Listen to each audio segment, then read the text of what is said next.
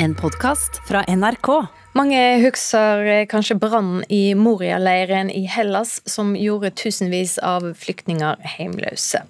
I flyktningleiren Karatepe, der folk fra Moria ble bosatt etter brannen, er det nå starta et kunstprosjekt i samarbeid med norske kunstnere. Og dette er da et kunstsamarbeid som har skjedd på tvers av de stengte grensene i Europa. Det er et stort privilegium å få være med på et sånt her prosjekt. Den norske maleren Sverre Bjertnæs er en av 13 norske kunstnere som tar del i kunstprosjektet A Place In My Mind. I dette prosjektet har norske kunstnere tolket kunsten til mennesker på flukt. Jeg tenker også det er viktig at vi som kunstnere kommer i kontakt med, med kunstnere som er andre steder i verden, og som har da en helt uh, sånn livsnødvendighet av, av f.eks. å jobbe med kunst, gjennom at det gir kanskje et rom for, for noe annet enn, den, enn det de står midt oppi. To og to verk er slått sammen og blitt til en plakat som selges. Overskuddet skal brukes til andre kunstprosjekter i leiren. Det er Janne Heltberg som står bak prosjektet. Meningen bak dette kunstprosjektet er å vise Norge menneskene bak flyktningtallene i Moria og de greske flyktningleirene. Og vise at disse menneskene har egenskaper og kreative yrker. The abstract, you can translate it in your way in The other one can come and see, wow. Joseph Kangis bilde er abstrakt og fargerikt. Budskapet hans er at mennesker må begynne å akseptere hverandre som de er. We are all human beings, so we need to collaborate and we need to put our hand together. That's why I did that painting. Maleriet ble malt i 2018, da han bodde i leiren. Og nå, noen år senere, har Sverre Bjertnæs fått lov til å tolke det. Så jeg tok utgangspunkt i det jeg på en måte kjente meg igjen i. Det med at maleriet i seg selv blir en slags sånn tilstand. Da.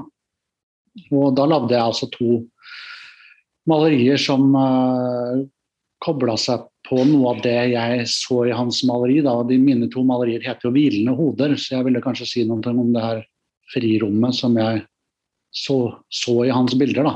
Uh, eller tenkte meg at kanskje at kunsten for han uh, hadde vært. Kangi og Bjertnæs har ennå ikke snakket sammen, til tross for at det nå går an å kjøpe en plakat med kunsten deres på. Foreløpig, ja, det håper jeg kanskje kommer. Og jeg vet at Josef er jo i, i sikkerhet nå i, i, Frankrike og har på en måte kommet seg ut av denne livssituasjonen. Og, og det, bildet han, det, bildet som er med det prosjektet her, blir jo laga i Moria-leiren. Så jeg håper at han også har fått annet, starten på et annet liv nå, da. Sverre Bjertnæs um, og reportere var Ida Yasin Andersen, og så hørte vi Heder Ørbekk Eliassen. Neste fredag, 25.6, skal NRK sende direkte fra Spikersuppa i Oslo sentrum og Oslo Pride. Og det skal bli ei regnbuefarga direktesending der NRK tar pulsen på pridefeiringene både i hovedstaden og i resten av landet. Benjamin Silseth, du er en av programlederne. Velkommen til Nyhetsmorgen. Takk for det. Hvorfor ei slik egen pridesending på NRK? Det er jo veldig veldig stort at det er eh, NRK som endelig lager en sånn eh, sending. Og vi gjør det jo for å prøve å markere mangfold og kjærlighet på alle mulige måter. Eh, og så syns vi jo det er viktig å, å, prøve å løfte hodet litt ut av Norge også, og se litt på hva det er som skjer rundt om i, i verden. Så det er jo Det er vel derfor vi gjør det, da. Derfor vi skal ha den sendingen. For å lage litt markering og fest og litt alvor. Hva type sending blir det? Blir det litt sånn som 17. mai-sendinger, som vi er vant til? det, blir, det, blir, kanskje en god blanding. Vi skal jo prøve å gjøre det til eh, underholdning og moro. Og så skal vi prøve å få med noen gjester som kan fortelle litt om hvordan det er å være skeiv i andre deler av eh, verden. Og hvordan det er å leve som skeiv i Norge i dag. Så det blir vel en god kombinasjon. Fortell litt om programmet som det skal dekke. Ja, eh, altså vi skal jo, Programmet som vi skal dekke, skal jo inneholde veldig mye forskjellig. Og vi skal jo da uh, prøve å um, holde det litt sånn lettbeint og, og, hyggelig. Og så skal vi prøve å samtidig uh, trekke den litt ned på jorda og ikke snakke så mye om oss selv, kanskje.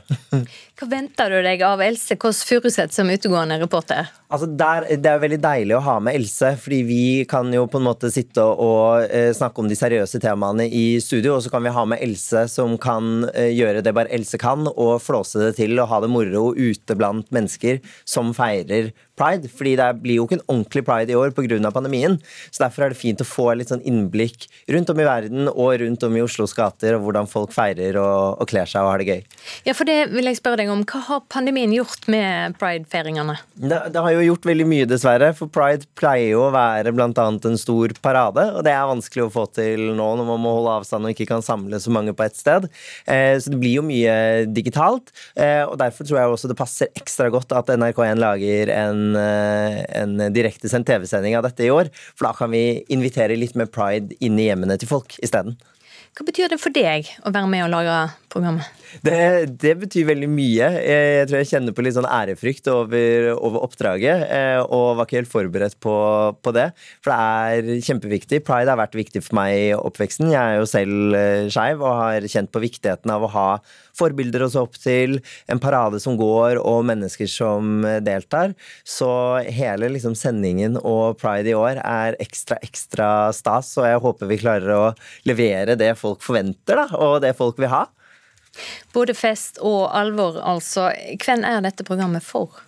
Dette programmet skal jo være for deg som er eh, kanskje ung, kanskje skeiv, kanskje du er i skapet, eller eh, kanskje du ikke vet om du er i skapet. Eh, det skal være for egentlig for absolutt alle, enten du er skeiv eller hetero, om du er cis eller ikke. Så vi skal prøve å treffe så mange som mulig, um, og jeg håper vi klarer det. Lykke til neste fredag, altså. Benjamin Silseth, takk for at du kom i studio. Du får med deg Silje Nordnes i studio. Du må forklare hva SIS er. Du kan ikke bare sitte og si sånt. Jeg kan ikke bare slenge ut begreper. Nei, det er veldig godt du sier, for det gjør man fort. Men det handler jo om de som identifiserer seg med det kjønnet de ble tildelt ved fødsel. Født sånn, føler seg sånn. Ja. Og er latin. Ja, det er latin. Ja, det, ja, det kan godt hende. Ja, så etymologien er jeg ikke så godt kjent med. Kanskje sagt de gamle romerne. ja, Da lærte vi noe i dag òg. Takk for at du kom i studio. Takk. Det ble litt av en sensasjon da NRK avslørte, Finansavisen hadde også skrevet om dette noen år tidligere, at Werner Jensen, altså kunstneren Werner Jensen, ikke var uh, Werner Jensen. Det var uh, derimot gallerieier Jon Hedemark som viste seg å stå bak maleriene. Og under et annet navn malte og solgte han flere bilder til kjøpere som trodde på historien om Werner Jensen bosatt i Berlin og vel innkjøpt og anerkjent kunstner. Hedemark er siktet for bedrageri og for å skape en illusjon av at kjøperne skaffet seg ekte kunst. Altså, det var jo de bildene det var, men at det var malt av denne Werner Jensen som hadde den historien de fikk presentert. Nå har Sveriges Televisjon avslørt lignende tilfeller. Kulturreporter Linda Marie Fedler, hva har de funnet? I helgen så publiserte da SVT avsløringen av at det er kunstverk som er solgt av kunstnere som da ikke eksisterer. Og De to kunstnernavnene det er det er snakk om, er Tom Moore og Aleksander eh, Valisenko. Store og kjente auksjonshus, eh, auksjonshus som bl.a. Bukowski skal ha solgt eh, deres kunstverk. Og hva vet de om hvem som står bak disse verkene, da, som da tydeligvis ikke er Valisenko og Vasilenko og Moore? Den ene er eh, ja, Aleksandr Vasilenko, som ifølge Kunstgalleriet holder til i Frankrike og Russland. Og han skal ha studert maleri hos en eh, anerkjent russisk kunstner i Moskva. Men da SVT ringte for å sjekke opp om dette, kom det frem at han, eh, de aldri har hørt om Vasilenko eller maleren han gikk i lære hos.